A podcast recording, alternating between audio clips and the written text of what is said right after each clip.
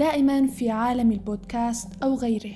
نشوف البرامج الحوارية تركز على استقطاب شخصيات ناس داروا إنجازات في حياتهم في نظر المجتمع. وهذا السبب بالذات اللي يخليهم محل اهتمام لهذه البرامج للاستماع لقصص نجاحهم وتجاربهم. لكن ومع كل هذه الأضواء التي تسلط على الذين نجحوا ماذا عن أولئك الذين يحاولون أن ينجحوا؟ الذين يكافحون للحياة والإنجاز أولئك الذين قد لا يهتم الكثيرون بمعرفة الكثير عنهم فقط لأنهم بنظر المجتمع ما زالوا ضمن دائرة العاديين. في هذا البودكاست أنا قررت نستضيف العاديين اللي بنظري مش عاديين. نستضيف الناس اللي قاعدة تكافح وتحاول تحيا على طريقتها في هذه الحياة. نتعرفوا عليهم على اهتماماتهم على أحلامهم وطموحاتهم وكيف يكافحوا في طريقهم اللي رسموه لأنفسهم ونسمع نظرتهم لأمور كثيرة في هذه الحياة وأهم التجارب اللي مروا بها. معكم نسرين أبو الويفة وأهلا بكم في بودكاست عاديون. ضيفتنا في ثالث حلقات عاديون فتاة أدركت طموحها بقلبها فلم تسمح للمكان أو للمجتمع أن يقف حائلا ما بينها وبين تحقيقه. ضيفتنا اليوم العادية والمش عادية ربيان أحمد. أهلا بيك ربيان أهلا بك نسرين. قبل ما نبدو أي شيء خلينا نوقفوا شوي مع اسمك. ربيان ما معنى هذا الاسم ومن سماك به ولماذا؟ معنى الاسم آه الهضاب المرتفعة أو الأراضي المرتفعة الخضراء. آه سماني عمي. آه وطبعا أغلبية تلخبطوا في الاسم ويحسابوا المعنى أنه هو نوع من أنواع الأسماك اللي اسمه الروبيان. بس الفرق أن الروبيان الأسماك هو بعد الراء في واو يعني تمدي الراء شوية روبيان. بينما اسمي روبيان طول لأن الباء على سكون مش بعدها واو. يقول المتنبي الخيل والليل والبيداء تعرفني والسيف والرمح والقرطاس والقلم. وفي المقابل يعرفنا ممدوح الشيخ بنفسه قائلا النيل والخيل والأهرام تنكرني والسيف والرمح والقرطاس والقلم. والآن لو طلبت من ربيان تعرفنا بنفسها بطريقة تقليدية وبطريقة مختلفة تتمنى. تعرف بها بعيدا عن تعريفات الذات التقليدية. فكيف حتعرفي لنا ربيان بشكل تقليدي وكيف حتعرفيها بشكل مميز؟ بالنسبة للتعريف التقليدي آه اسمي ربيان أحمد الأمين من مدينة هون طالبة في كلية الطب البشري مصراتة. آه بالنسبة للتعريف المميز أو اللي نشوف في نفسي فيه آه إنها عبارة عن صراع بين تحقيق أحلامي وبين عقبات الواقع اللي تواجه فيها حننتقل توا لسؤالنا التقليدي ما معنى العادية وما معنى التميز بالنسبة ليك وهل يعد كونك إنسانا عاديا في نظر الآخرين شيء مزعج بالنسبة ليك؟ شوفي الشخص العادي هو الشخص أي شخص غير حالم شخص ينوض الصبح بس لأنه هو يبي يعيش يبي يستمر في الحياة بس إنه ياكل ويفطر ويعدي لقرايته يروح ما يديرش في أي شيء ما يسعاش لشيء مميز أو ما يحاول يظهر أفكاره الداخلية آه ويخاف إنه هو يظهرها للمجتمع خوفا من فشله أو من عدم آه إنه يوصل للشيء هذا. ويخاف حتى من نظرة المجتمع ونظرة الناس ليه.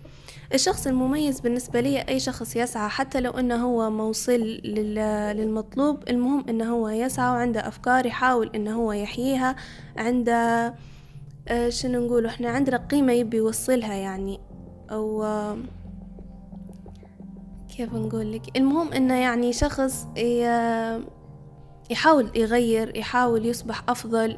يوم عن يوم حتى لو أنه هو موصل عادي المهم أنه هو يسعى هذا يعتبر شخص مميز بالنسبة لي.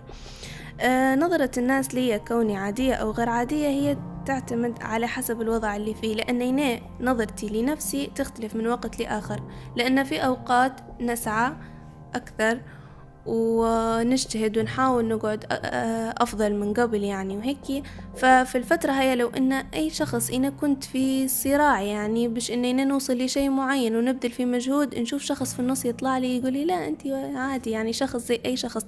لا أنا هنا حنشوف النظرة هذه حتأثر فيا ومش حتعجبني. بينما في أوقات الفتور أو في الأوقات اللي أنا بروحي لنفسي اللوم فيه روحي على الشيء اللي قاعد ندير فيه مثلا من من لا شيء يعني نحدني إني نوض ونفطر والصبح خلاص يجي الليل يجي الصبح وهكذا. فنظرة الشخص لي اني أنا كوني شخص عادي مش حتأثر فيه لاني أنا في هذيك الفترة فعلا ما كنتش في صراع أو ما كنتش آه نفكر اني أنا ندير شيء جديد. إذا آه، ربيان نظرتها للشخص العادي هو الشخص الذي يخاف من المجتمع الذي يخاف من الفشل. بالتالي أما الشخص المش عادي الشخص المميز هو الشخص صاحب القضية الشخص القادر على التعبير عن نفسه وعن رؤاه بغض النظر عن ما يراه الآخرون فيه ربيان قلتي لنا إنك من هون وعايشة في مدينة مصراتة بعيدا عن عائلتك فهل ممكن تخبرينا شنو السبب اللي خلى ربيان تترك هون وتنتقل للعيش في مدينة أخرى؟ السبب اللي خلاني نجي لمدينة مصراتة هو التخصص لأننا من مش حنقولك من زمان لأن لا ما كانش هدفي من زمان أني نخش طب بشري. أه ولكن هذا السبب يعني لأن إحنا في هون ما عندناش كل ما عندنا كلية طب بشري أو طبيات بصفة عامة يعني في تقنية طبية لكن ما في أسنان أو صيدلة أو بشري. وهنا كان هدفي إني نخش بشري فهذا الشيء اللي خلاني ننتقل لمدينة مصراتة فترة الدراسة. والتحقت بالكلية يعني. آه كنتي سبق وأخبرتيني أن رغبتك الأولى كانت أسنان مش طب بشري. ما سر هذا التحول من الأسنان للطب البشري؟ هو هو لعند ثانية ثانوي.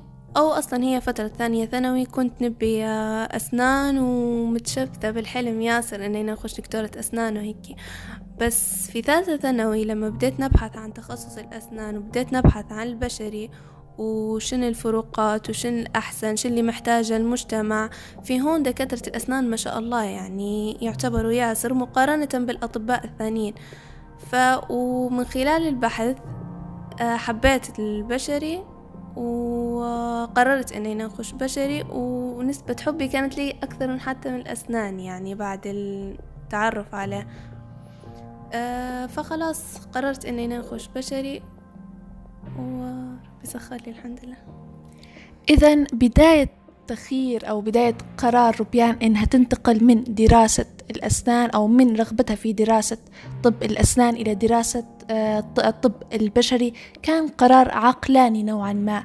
قرار جاء بعد بحث بعد دراسة بعد دراستها للوضع آه، في مدينتها. هون يعني كان ممكن من الحاجات اللي نستفيدوا منها إحنا شخصيا في حياتنا إن نشوفوا الوضع المحيط الظروف الحالية الظروف الفرص وتكون عامل في مساعدتنا على اختيار التخصص اللي حنكملوا به حياتنا. نجو توا لسؤال ما أبرز الصعوبات اللي واجهت ربيان بداية من اتخاذها قرار الرحيل عن هون وصولا لكونها طالبة في كلية الطب البشري في مدينة مصراتة؟ هي الصعوبات بدت من ثالثة ثانوي من لما اننا نبي نقرا بشري وأن كلية بشري ما فيه في هون. وفكرة اننا ننتقل برا أو اننا نمشي لأي مدينة ثانية كانت فكرة من قبل ماما بالأخص. مش محببة ليها بكل فأنا حاولت إني نقنعها بجميع الطرق ومن أبرزهن يعني أو من من أكثر شيء سعيت فيه وقعدت نجتهد فيه هي فترة ثالثة ثانوي. كنت مجتهدة بنسبة أكبر من سنين اللي فاتن لغرض إني نجيب نسبة كويسة. تخلي ماما تقول فعلا نسبة كويسة حرام إن هي تمشي في تخصص غير مرغوب مش إنه ضروري يكون بشري أو إنه ضروري يكون تبع الطب أو أي شيء ثاني لا إن هي تكون تخصص مرغوب يعني. فقعدت نجتهد والحمد لله ربي ساعدني وصلت للي نبيه. وما زال ماما كانت مش موافقة مية في المية. بعدها في يوم هيك فجأة كلمتها قلت لها ماما بجديات ومش عارف شني وين هيك وين حنسعى بإذن الله يعني وحنشوف آه عمامي وهيك مش حن يعني لو إن هم حتوما رأيهم من رأيك خلاص حيلتغي الموضوع وخلاص. لكن لو إن في أمل ما تكفي في وجه طموحي يعني وهدفي. ففعلا رضيت الحمد لله ومشيت بعد فتحت الموضوع مع عمامي وكيف اننا نبي نقرأ وكيف هيك فهمتهم على إن هذا هدفي وإن ما في أي كلية في هون تقدر اننا تخليني نغير نغير أو نرضى بشي ثاني يعني. ما في بديل مناسب لي لو انه كان في بديل كنت عادي يعني غيرت. فالمهم هذه أول حاجة. كانت أول صعوبة واجهتني كانت صعوبة إقناع الدراسة خارج المدينة. الشيء اللي ساعدني ثاني ثقتي في الله بالدعاء ب... بالثقة الكاملة اللي فعلا في ذاتي. يعني بجد كنت مقتنعة أن بحديث الرسول صلى الله عليه وسلم تفائلوا بالخير تجدوه. كنت متفائلة في كل خطوة نخطيها والحمد لله. أه ويجيني بعدها دعم العائلة حتى دعم حنتي ليا كانت من أبرز الداعمين ليا. ووقفت معايا وقالت لي ما عندك مشكلة حتى لو إنك انت مثلا تبي تقري في مصراتة في طرابلس إينا نمشي معاك ما عندك مشكلة. ومن هيك على أساس انه بنقرأ في طرابلس بس بعدها خلاص قعدنا نشوفه في الوضع الاجتماعي في طرابلس والوضع الاجتماعي في مصراتة شن أفضل ايا أقرب وطريق وقصة. فالمهم اخترنا مصراتة وسجلت. الحمد لله. حاليا الصعوبات اللي تواجه فيها في فترة العيش هنا السنة الأولى من اللي هي سنة الإعداد ما كانت بالنسبة لي صعبة ياسر لأن كانت حانتي بجنبي. وكان دوري إنينا لازم نحقق دورين بس يعني دور إنينا طالب ودور إنينا شاب يسعى لتحقيق حاجات خارج التخصص. يعني التوفيق بين أو صعوبات اللي تواجه في أي طالب في أي تخصص في أي مدينة يعني صعوبات عادية. في السنة هذه آه انتقلت معايا قريبتي وانتقلوا معاها أهلها معانا فبس مش في نفس الشقة في نفس العمارة. يعني الصعوبات واجهتنا أكثر. ليش؟ لأن أنت في الفترة هذه حتلعب دور الأب حتلعب دور الأم حتلعب دور الطالب حتلعب دور الشاب جميع الأدوار أنت. سواء أنك أنت يعني حتى حتنوض الصبح بتجي كونك طالب بتبدل بتمشي الكلية بتحضر محاضرات بتروح بتنحي دور الطالب منك بتلعب دور الأم بتغسل دبشك بتطيب غداك بت بتضم حوشك أي شيء أي شيء تدير فيه الأم. وفي نفس الوقت حتلعب دور البو لو أنت ناقصك شيء حتطلع تجيبه. لو إنه محتاج حاجة حتديرها تبي سيارة حتتصل أنت أنت يعني ما ما في أي شيء تتكي عليه. بالإضافة إلى إنك أنت في مرحلة الشباب يعني لازم إنه ينام. مش حنعيش تخصصي بس مش حنقرأ في تخصصي بس حنجرب حاجات ثانية حنجرب حاجات جديدة عشان نكتشف نفسي يعني. ف والوقت ما شاء الله أربعة وعشرين ساعة كأنها ست ساعات يعني على السريع. هذين حاليا أكثر صعوبة تواجه فيها صعوبة الوقت. إننا كيف نوفق بين كوني طالب بين كوني شاب بين كوني ندير في مسؤوليات ثانية. آه، في في حين إن طالب ثاني مركز على نص المسؤوليات هذه أو حتى ثلاث ارباعها نقدر نقول. اذا نرجع لبداية كلام روبيان. نقدر نستشفوا آه، فائدة جميلة جدا. إنها في البداية لما شافت لما قررت شن التخصص اللي تبي تدخله وشافت شن الصعوبات اللي ممكن تواجهها في طريقها نحو هذا التخصص ما وقفتش وقالت خلاص أهلي رافضين وما عنديش مندير لا.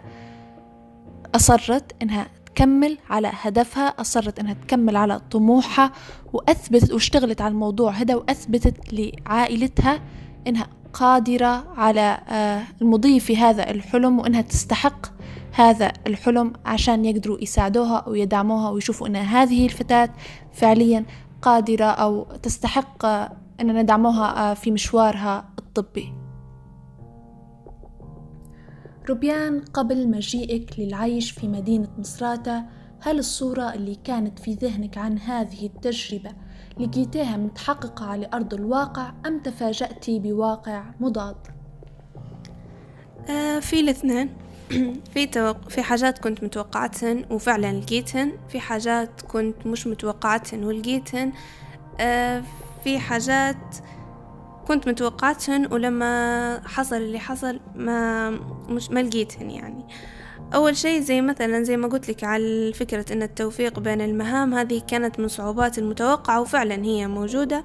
من الحاجات اللي توقعتها بس ما لقيتها كنت متوقعة أني حنكون مش حننسجم في المجتمع الجديد كنت حنكون أكثر انطوائية.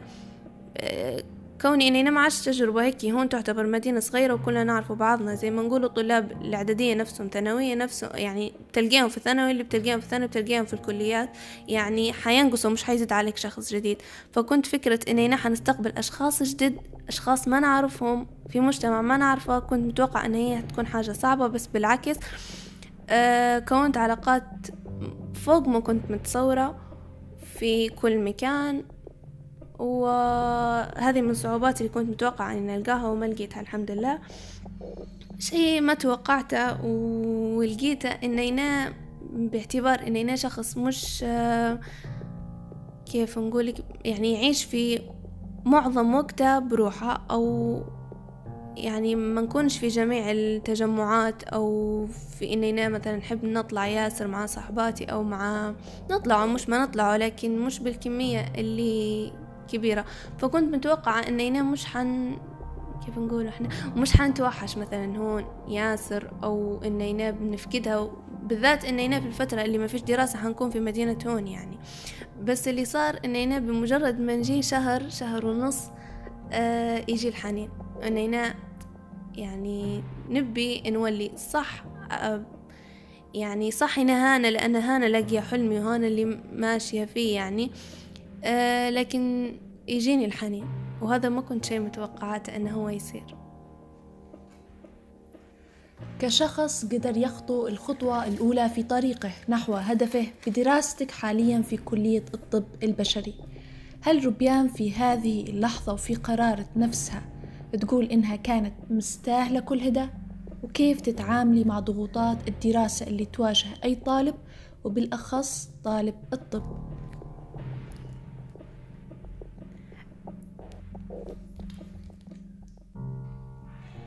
بالنسبة لكونه أنه هو مستاهل أو لا هو مستاهل.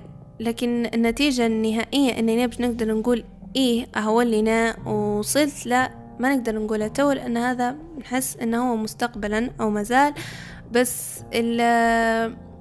لأن ليتو قاعدة في الطريق أنا ما وصلت باش نقدر نقول إن أنا اللي درته في أول خطوة كان كويس لأنه وصلت للنتيجة اللي نبيها وما نقدر نقول لا. لأن مازال قاعدة في الطريق. بالنسبة للصعوبات وكيف إننا نوفق يعني وهيك نظام جدول يعني مش جدول آه، مش جدول ثابت أو آه، يعني من الساعة كذا للساعة كذا بندير كذا لأ. ولكن مثلا ست ساعات دراسة ست ساعات مثلا نوم ثلاث ساعات بندير فيه الحاجة الفلانية يعني مقسمة عدد ساعات اليوم ونحاول اننا قدر الإمكان نمشي على عدد الساعات اللي حددتها. طبعا يصير تجاوزات ويصير يعني على حسب الظروف وعلى حسب اليوم. يعني في أيام مثلا نقول خلاص من الساعة 12 بندير كذا كذا نلقى روحي قاعدة في الكلية للساعة واحد. لكن كلنا نعدل يعني. لكن الأساس إننا نحط جدول. ونمشي عليه. إذا آه، من الطرق اللي تتبعها ربيان في تعاملها مع الضغوطات إنها أو تنظيم مهامها إنها تحط جدول وفي نفس الوقت ما يقعدش جدول صارم إنما جدول مرن. والمرونة هي أساس نقدر نقوله نجاح الجدول اللي متبعاته في تنظيم وقتها وحياتها. ننتقلوا توا شوي لمدينتك مدينة هون. بداية نبي نعرف منك كيف تشوفي مدينتك إيجابياتها سلبياتها. ولو طلبت منك تعرفي لنا العادات والتقاليد والأنشطة والأماكن اللي تميز هون عن غيرها من المدن كيف حتعرفيه لنا؟ بالنسبة لأكثر ميزة نحبها في مدينة هون حجمها والناس اللي فيها. الناس اللي فيها لأن عددنا يعتبر آه صغير مقارنة بالمدن الكبرى زي طرابلس زي مصراتة زي بنغازي. فإحنا كلنا نعرف بعضنا لما تقولي فلان الفلاني حتى لو إنك أنت ما عرفتيه هو بحد ذاته حتعرفي مثلا آه، أخوه عمه خالة. آه لما أنت مثلا تواجهك أي صعوبة ب بتلفونين ثلاثة قد تلقي طول توصلي للشخص المطلوب لأن كلنا نعرف بعضنا ومدينة صغيرة. أه بالنسبة لأبرز العيوب اللي نضايق فيها إن ما كيف نقولك زي لقطة مثلا توفير الحاجات زي كلية الطب البشري زي كلية الأسنان فيه ياسر غيرنا يبوا يخشوا بشري في اللي بيخش أسنان في اللي بيخش تخصصات ما في في تخصصات شوية يعني ينعدن على الأصابع فهذا يعتبر بالنسبة لي نشح فيه ظلم وصعب مش أي حد يقدر إنه هو يطلع. أو هو يلتحق بكليات خارج المدينة لأي ظرف كان. فهذه من الحاجات اللي تخلي فيا هيك نتمنى إن إحنا نغيروها. أه الشيء الثاني النشاطات الخارجية اللي تو حاليا بدت إن هي للأحسن. ما فيش نشاطات خارجية كانت تساعد الشخص إنه هو مثلا ينمي مواهبه ينمي هواياته كيف نقولوا مثلا الأطفال يفرغ لهم النشاط متاعهم في حاجة مفيدة. نادر وان تلقي نشاط خارجي لكن تو زي ما قلت لك آه بدأ يزيد يعني والحمد لله في تحسن في الموضوع هذا. آه بالنسبة لل النشاطات أو العادات والتقاليد تميز مدينة هون عندك من أبرز الحاجات اللي آه آه نفضلها مهرجان الخريف. آه مهرجان الخريف هو مهرجان من اسمه يعني في فصل الخريف كل خريف يديروا فيه عادة في شهر عشرة هيك متقسم يعني على ثلاثة أيام أحيانا على يومين هيك بال... على حسب النشاطات اللي فيه من أكثر الحاجات اللي تعجب فيها في مهرجان. الخريف هو ملتقى شباب الخريف اللي يجتمعوا فيه مجموعة شباب يناقشوا فيها في مواضيع تطرح زي مثلا تو آخر آه، مهرجان اللي كان في شهر عشرة اللي فات آه، طرحوا إن هم كيف كل شخص آه، استغل وقته في وقت الحجر وفي وقت كورونا. يعني عادة ما تكون نشاطات هادفة ونشاطات مفيدة يعرضوا فيها حتى على يفتحوا في live يصوروا أحيانا فيديوهات وينزلوا فيهن. فالاستفادة تجي حتى للناس اللي قاعدين في حياشهم عن طريق ال live وعن طريق مقاطع الفيديو. يديروا في أسبوعات شعرية يديروا في نشاطات يعني ياسر ومتنوعة من سنة لسنة. آه، في نشاطات أخرى خاطي مهرجان الخريف زي مثلا عندنا القلية مثلا هذه في شهر رمضان خمسة وعشرين رمضان يطلعوا فيها الصغار يرفعوا معهم فستول قصدي مبدلين وهيك يمشوا للجيران يمشوا للأهل. آه وفي كل حوش يوزعوا عليهم مثلا نظام بشكوتي وحلوى وهيك قلية وفي القلية اللي هو القمح يعني.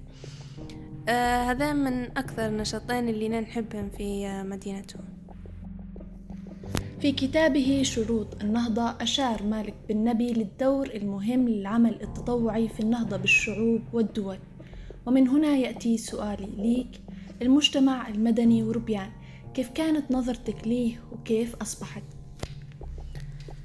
آه العمل التطوعي كان لما كنت في مدينة هون آه، حقيقة ما نقدر نقول لك ما فيه لأني أصلا ما كنتش مهتمة به وما كنتش نبحث عنه.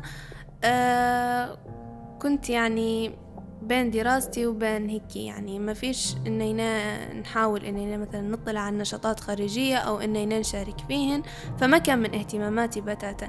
لعند آه، في سنة الإعداد وقت تم تأسيس منظمة قراء فعالون. كانت أول نشاط إني نخش فيه والحمد لله كانت من لها تأثير إيجابي جدا علي.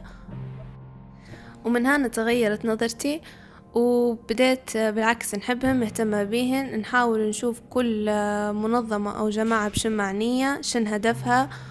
وهيك يعني نقدر نقوله أن منظمة قراء فعالون غيرت نظرتي للعمل التطوعي. شن الشيء المميز اللي شفتيه في العمل التطوعي وخلى نظرتك تتغير؟ شن انعكاسات العمل التطوعي على أوروبيان كإنسان؟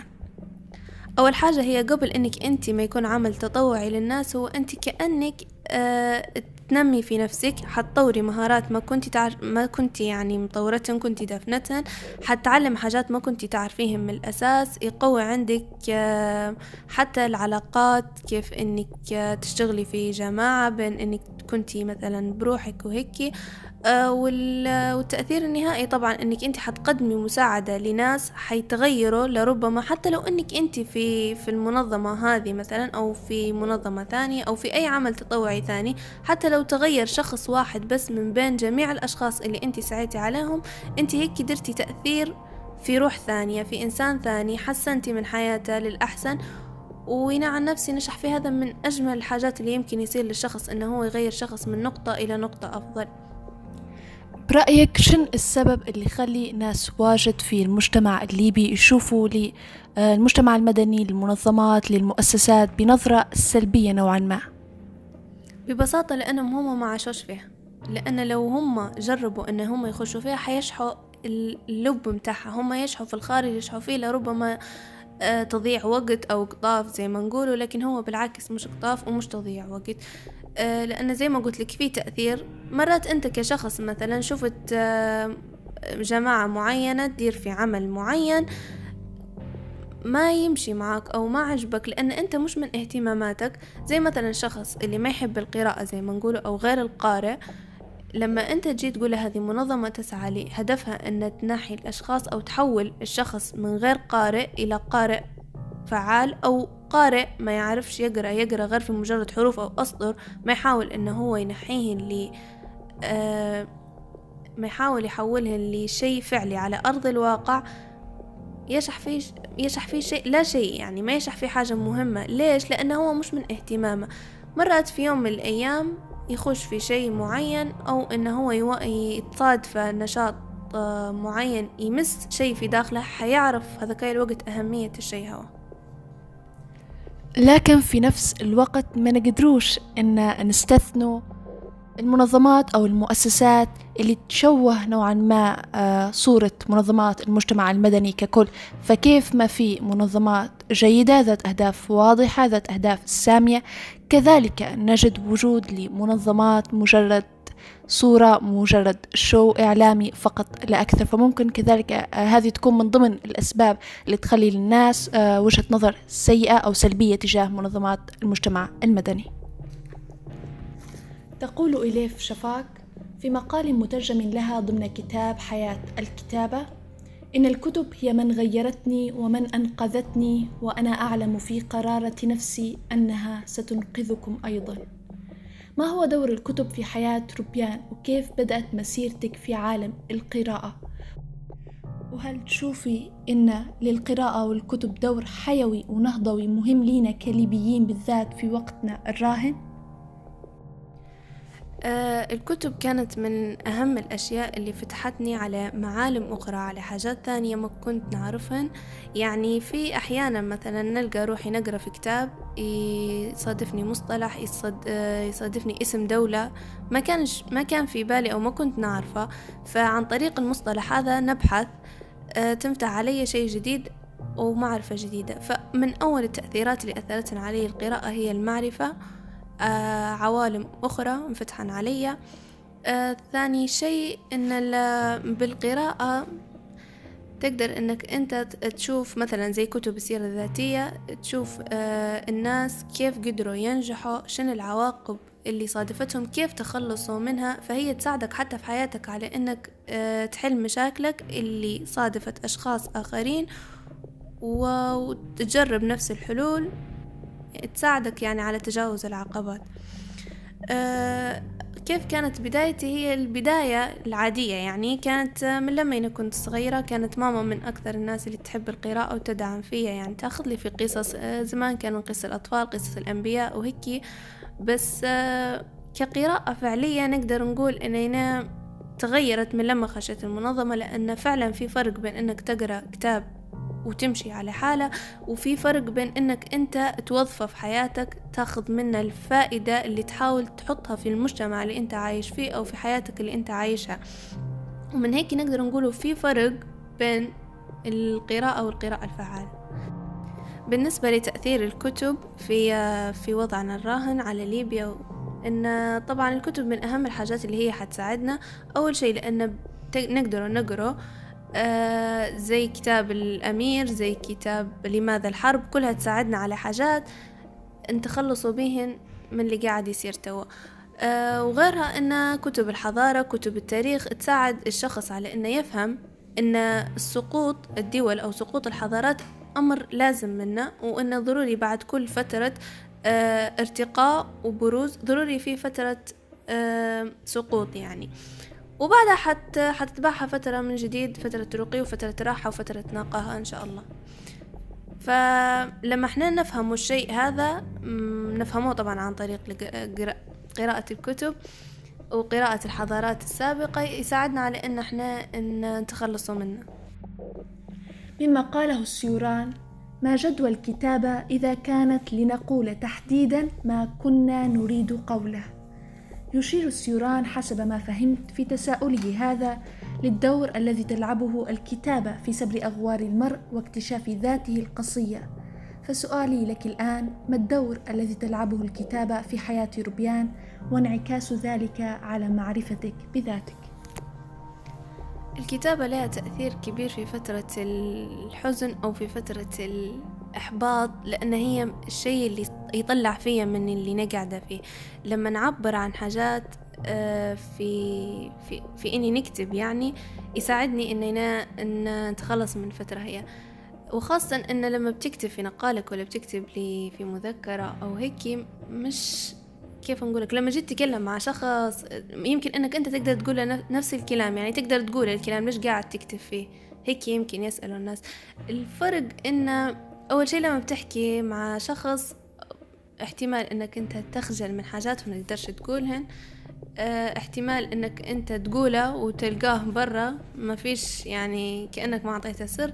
لكن الكتابة ثق وتأكد إن هي مش حتطلع إلا لو إنك أنت نسختها مثلا وطلعتها بروحك أو حاولت إنك تقراها لشخص. آه ثاني شيء حتكون فيها كمية مصداقية تامة. يعني حتطلع كل اللي فيك في في إنك تطلع في ورقة أو في في النقال يعني. آه تساعد إنك أنت تعبر عن كل حاجات اللي تحس بيهن. وبس. هل بالإمكان أن تطلعينا على نص قصير من كتابتك؟ آه، تمام. هذا من النصوص اللي كتبتهن ونحبهن. آه، بداية العالم من حولنا يشير دائما لحقيقة الفناء الذي نؤمن به ولكننا لا ننتظره. نعلم جيدا بأن الموت حق ونخافه ولكننا لا نعمل له ولم ننتظره يوما. نبحر في هذه الدنيا يوما بعد يوم. الدنيا نفسها تذكرنا بالفناء ولكن إما أننا نتغاضى أو إما أننا نتناسى ما نرى. فالبيوت تهرم ونجددها والملابس تبلى ونشتري غيرها. حتى من أصدقائنا يذهبون ليأتي غيرهم. ونستبدل الأشخاص في حياتنا كما نستبدل أغراضنا. كل هذا يخبرنا بأن لكل شيء على هذه الأرض أجل مسمى إلى أن يأتي أجل الأرض ذاتها. المقابر في كل مكان تشير للنهاية ولكن لا أعلم ما بنا. لا ندرك هذه الحقيقة. نبالغ في التفاخر فوق التراب ولن تكون نهايتنا إلا داخل أحشائه. ستبتلعنا ذرات التراب يوما ما. فلما يقتل بعضنا بعضا؟ ولما نأكل حقوق بعض؟ لماذا الكره وكلانا هو ما هو إلا مستأجر لسنوات قليلة على هذه الأرض الموجودة منذ الأزل؟ لنفكر قليلا. منذ متى وجدت هذه الأرض؟ ومتى استوطنت أنا بها؟ ومتى سأغادر؟ عندما نقارن أعمارنا بعمر هذه الأرض ندرك مدى أنانيتنا عندما نعثو فيها فسادا. أمنية ترجو ربيان بشدة تحقيقها. أكثر أمنية نتمنى أننا نحققها أننا نحفظ القرآن الكريم لأن أول شيء هذا هدف بابا الله يغفر له ويرحمه. آه ثاني شيء آه لأني نبي يعني نبي نحقق الأمنية هذه وعشان لبسة تاج الوقار إن شاء الله. أسأل الله أن يوفقك لتحقيقها. كلمة أخيرة تقوليها في نهاية الحلقة لكل إنسان يشوف في مجرد الاستمرار بهدف وحلم على هذه الأرض وفي هذا المجتمع أمر صعب وشاق. ويشوف في نفسه إنسان عادي الطموحات والأحلام الكبيرة مش ليه؟ أهم شيء لازم الشخص إنه هو يديره في حياته إنه هو يسعى بس إنه هو أول شيء يحدد الشيء اللي يبي يوصل له أو الشيء اللي يبي يكون فيه بعد خمس سنين أو عشر سنين ثاني شيء يبدأ في السعي. لأن لأن بالسعي ربي والتوكل على الله طبعا. ربي حيساع حيساعدك وحتوصل للي تبيه. حتى لو كانت أحلام كبيرة حتى لو كانت تشح في نفسك أنت حاليا أنت مش حتقدر تديرها. عادي مرات فعلا يطلع كلام أنك أنت ما تديرها. لكن فكرة أنك تسعى لها أمر كويس. ولأنك أنت هيك مش حتسمى فاشل. حتسمى أنك أنت بس ما وصلت للنجاح لكنك حققت خطوات. وهيك حتى حتكون راضي على نفسك. شكرا ربيان أسعدتينا بالحوار معك. في ختام ثالث حلقاتنا من بودكاست عاديون. نحب نقول لكم افتخروا بعاديتكم. إذا كانت العادية هذه تعني إنك تكون نفسك تختار السعي وراء أهداف ممكن تكون بسيطة بنظر الآخرين لكن بنظرك أنت هي أشياء تستحق. لأنها تعبر عنك وعن اللي تبيه في هالحياة. عمرك ما تحاول تلهث وراء إنجازات ما تعني لك الشيء شخصيا بس عشان تكون في نظر المجتمع مش عادي. في وقتنا الحالي لو تبي تكون مش عادي فحب وافتخر بعاديتك. نسأل الله لقاء قريب يتجدد معكم ومع ضيف جديد أصدقائنا العاديين والمش عاديين سلام.